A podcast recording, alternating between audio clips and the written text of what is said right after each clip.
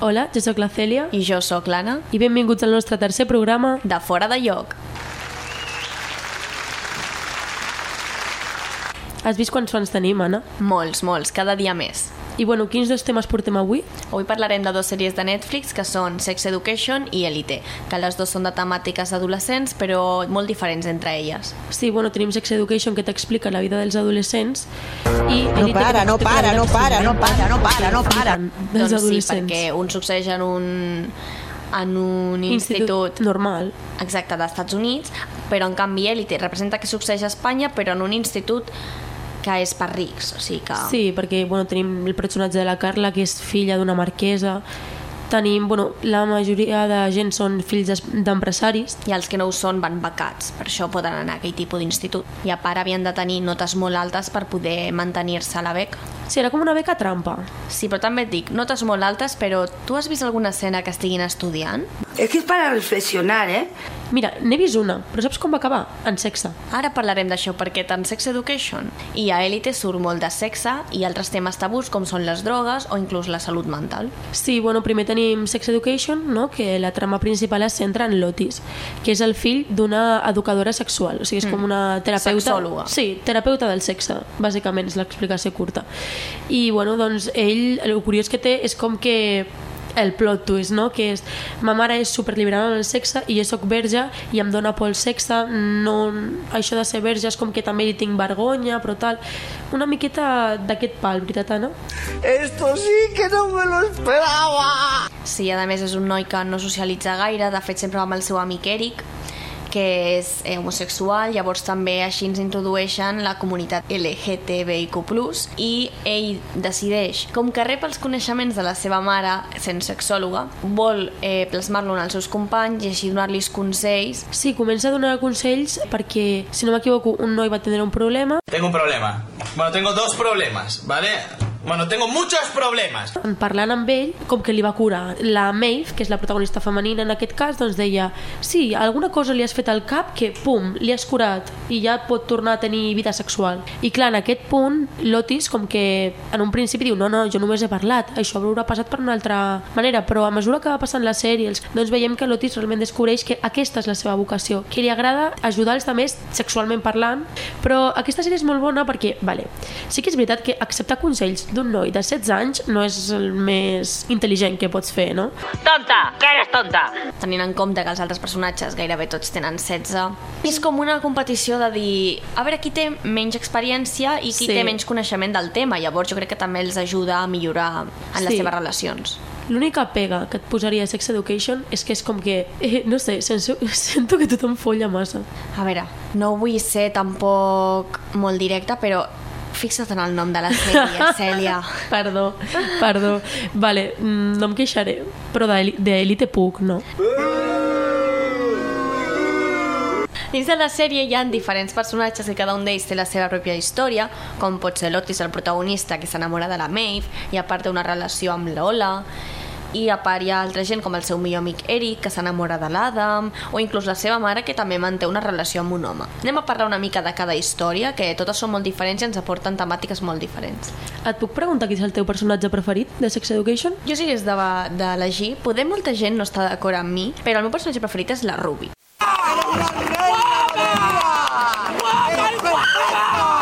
Està com molt infravalorada. Com la típica noia pija, per una mica mm, Superficial, exacte. egocèntrica... Sí, que només es preocupa per ella, però realment la temporada aquesta amb l'Otis es nota que en realitat sí que l'estima. L'únic que no ha tingut una relació que hagi pogut ser del tot sana com per poder barrejar bé la seva Sí. vida amb la relació. I precisament també jo crec que és culpa de com la percibia la gent, no? Perquè si et Exacte. fixes, l'Otis deixa de banda com el seu aspecte físic, perquè bueno, la Ruby és una noia que és superguapa, amb un cuerpazo, no?, que diem. Però clar, l'Otis es centra més aviat que fins i tot li diu però et vull conèixer a tu, em dona igual el diner que tinguis, com soy la teva casa, com soy la teva vida, vull saber que ta- co- per què ets així, quines són les teves motivacions, i jo crec que això és el que en realitat li arriba a la Ruby, el dir, de veritat li interessa com sóc jo? Jo crec que és el que ella necessitava, algú que l'estimés per com és ella, no per qui és, sinó per com és. Com acaba la relació amb l'Otis, jo crec que no s'ho mereixia, la Ruby. No s'ho mereixia. La deixen com d'una noia molt egoista, que jo crec que realment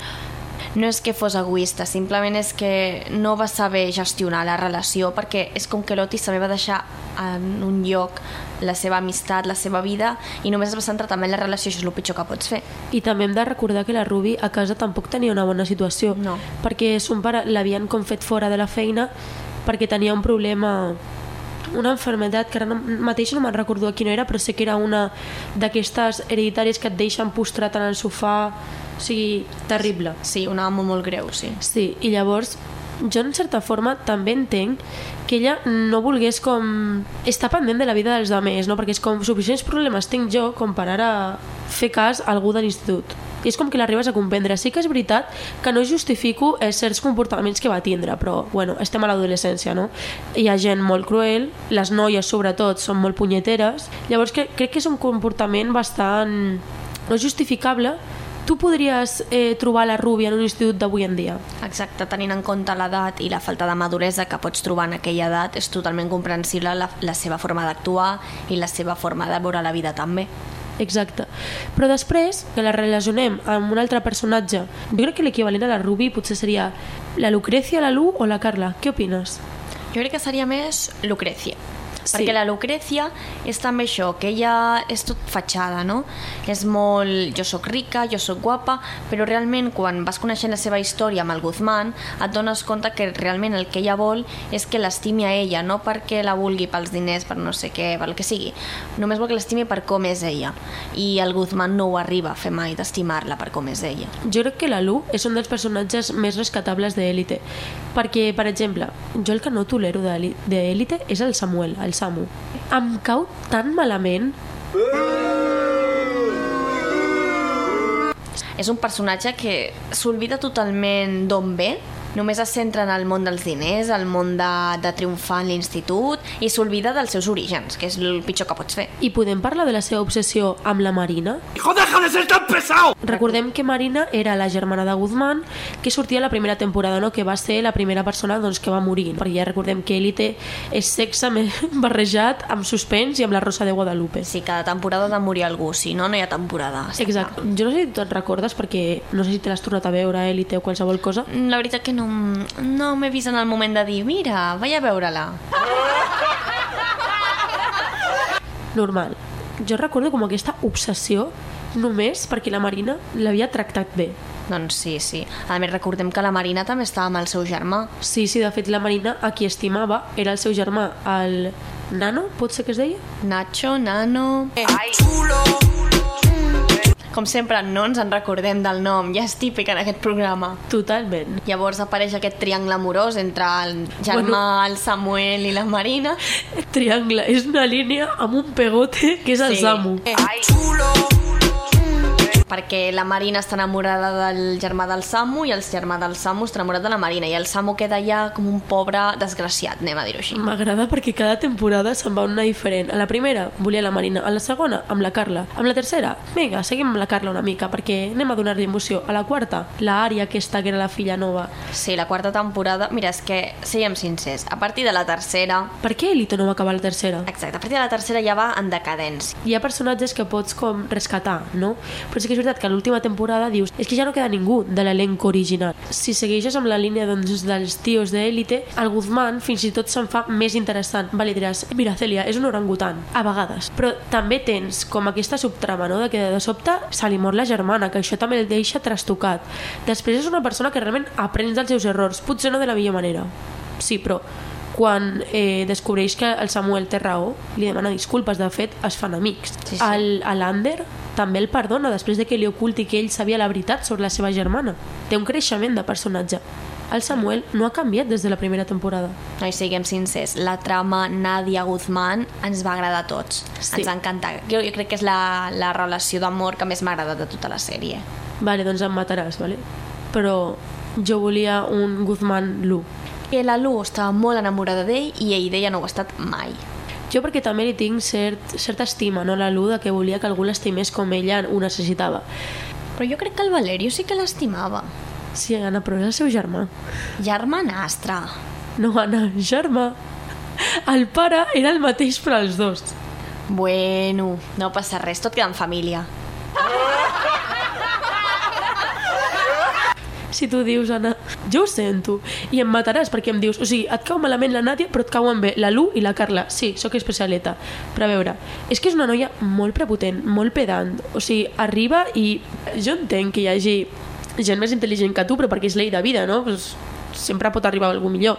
Però són les formes d'arribar de la Nàdia, aquesta prepotència amb la que camina, aquesta superioritat amb la que va... Vale, és que, bueno, la Lu també camina amb superioritat perquè t'estic veient que m'ho diràs. Però per mi no és el mateix perquè la, a la Lu tu la veus, la veus venir. La Nàdia et va com de mosquita muerta, que es diu. Uy, pero bueno, gentuzo. I llavors és com que va així com pel darrere, es fa l'innocent i tal, i després resulta que és igual que la Lu o pitjor. Anem a parlar d'una altra relació amorosa d'élite que a mi em va cautivar, que era el- l'Ander i l'Omar, que era el germà de la Nàdia. Ara em tornaràs a fonar, perquè l'Omar m'acaba caient també molt malament. Home, s'ha de dir que l'última temporada, bueno, l'última que m'he vist jo, que és la tercera, cau molt malament. Però estem parlant de les primeres temporades quan s'enamoren, quan descobreixen... Ah, això t'ho compro. Veus? Ah, això sí.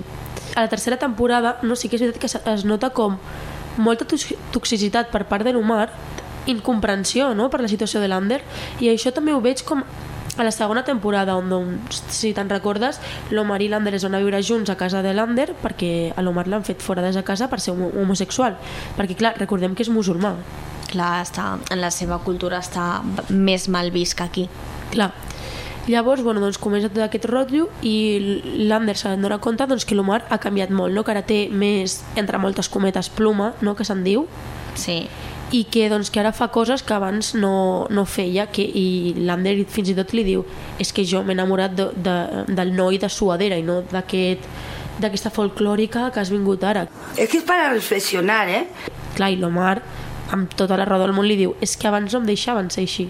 A la tercera temporada entra una tercera persona, no? que és el Patrick, que em sembla que es deia, que Sí. és el germà de l'Ariadna, que és li amb el Samuel, que també és una relació que no he comprès mai. Amb el Samuel i amb el Guzmán, crec. Sí, de fet aquells són tres germans que són el Patrick, la Mencía i la Ari, que són els fills del nou director que arriba. Jo només em veig élite per eh, literalment tirar merda a la gent. I per això va bé veure Sex Education per poder estimar els personatges en vez d'insultar-los. Mira, aquí a mi també m'agrada molt la Maeve.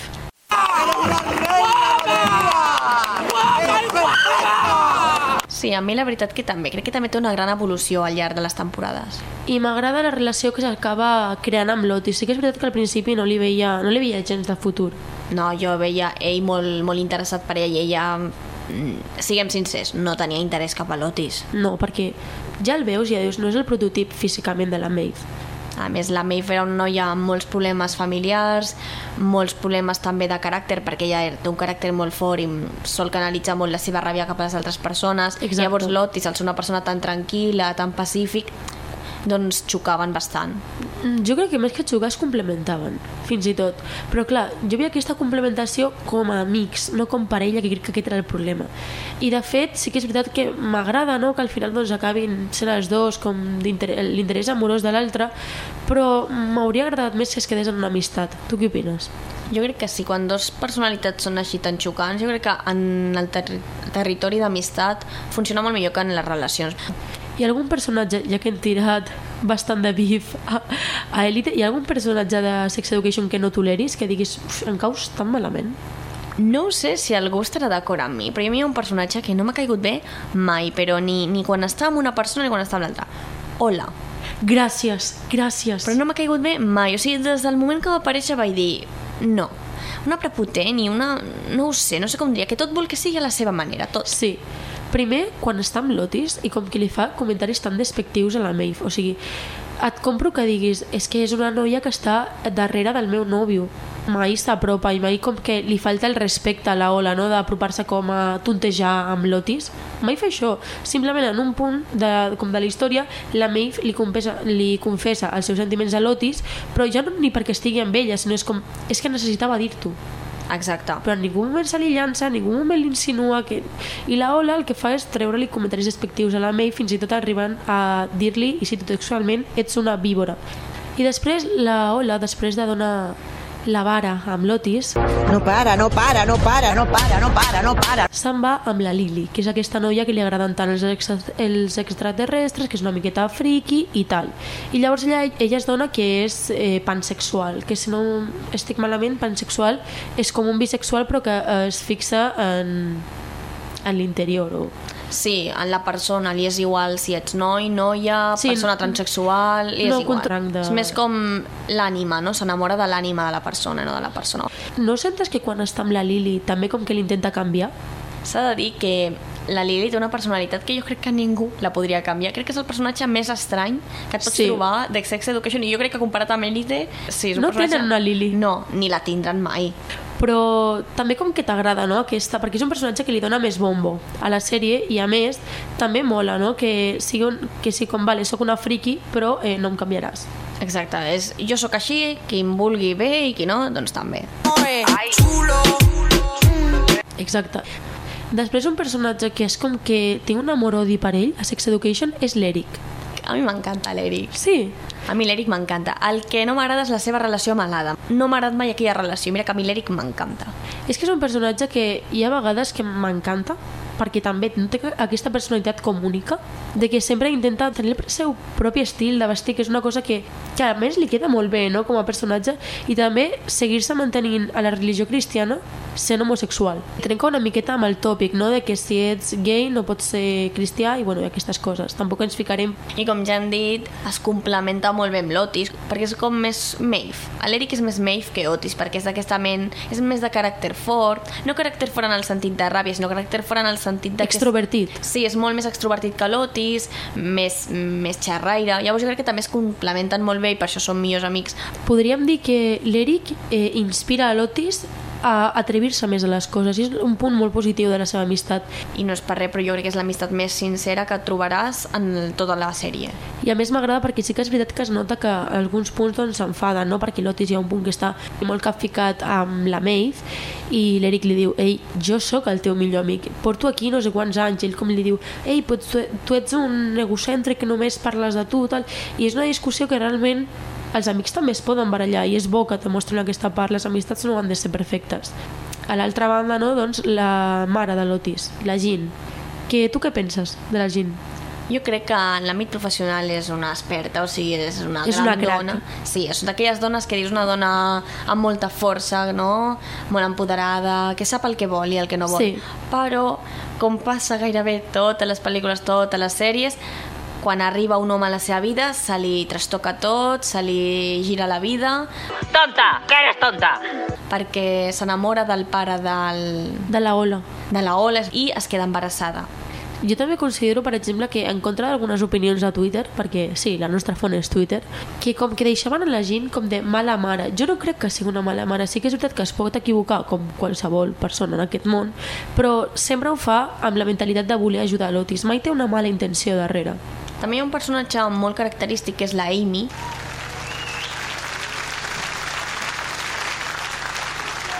Crec que és el primer personatge femení bo que comentem. M'he emocionat. Exacte. A mi m'ha fet molta ràbia quan li va passar el que li va passar a l'autobús. Crec que era un personatge que, bueno, ningú s'ho mereix, evidentment, però un personatge que havia fet una gran evolució i van fer que la pobra decaigués un altre cop. Però m'agrada aquesta decaiguda, ui, ha sonat una mica malament, però perquè li dona més força, s'aixeca encara més força, viu una sensació, o sigui, una situació d'acos sexual a l'autobús. Sí, a l'autobús.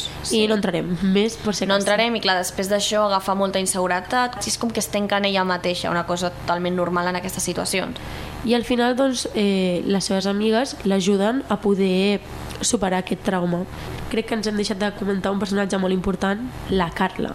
Què creus d'aquest personatge? Tu t'agrada la Carla? Ai, m'encanta la Carla. Ho sé, te'm tiraràs a sobre perquè t'he manat a la merda la Nàdia, però a mi m'agrada la Carla. A mi la Carla és que tinc un amor-odi amb aquest personatge.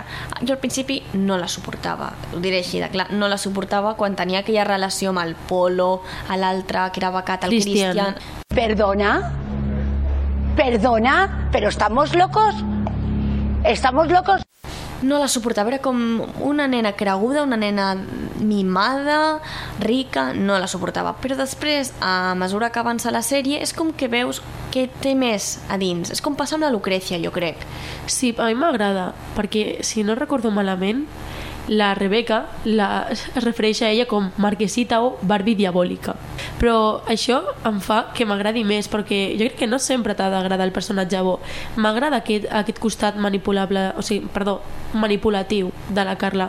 Però jo crec que també està bé veure Sí. aquest tipus de personatge, no? Que diu, jo sóc guapa, ho sé, i pues ho aprofitaré per lo que a mi em vingui de gust. I molt ben fet, la veritat. I per això sóc fan de la Carla. Jo no, però no cau malament.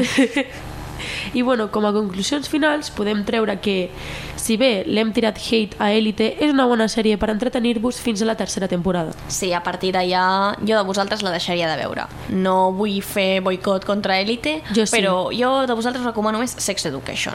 Bueno, i fins aquí el nostre tercer programa. Esperem que us hagi agradat, agradat molt i recordeu que, òbviament, tot el que hem dit està molt Fora, de lloc!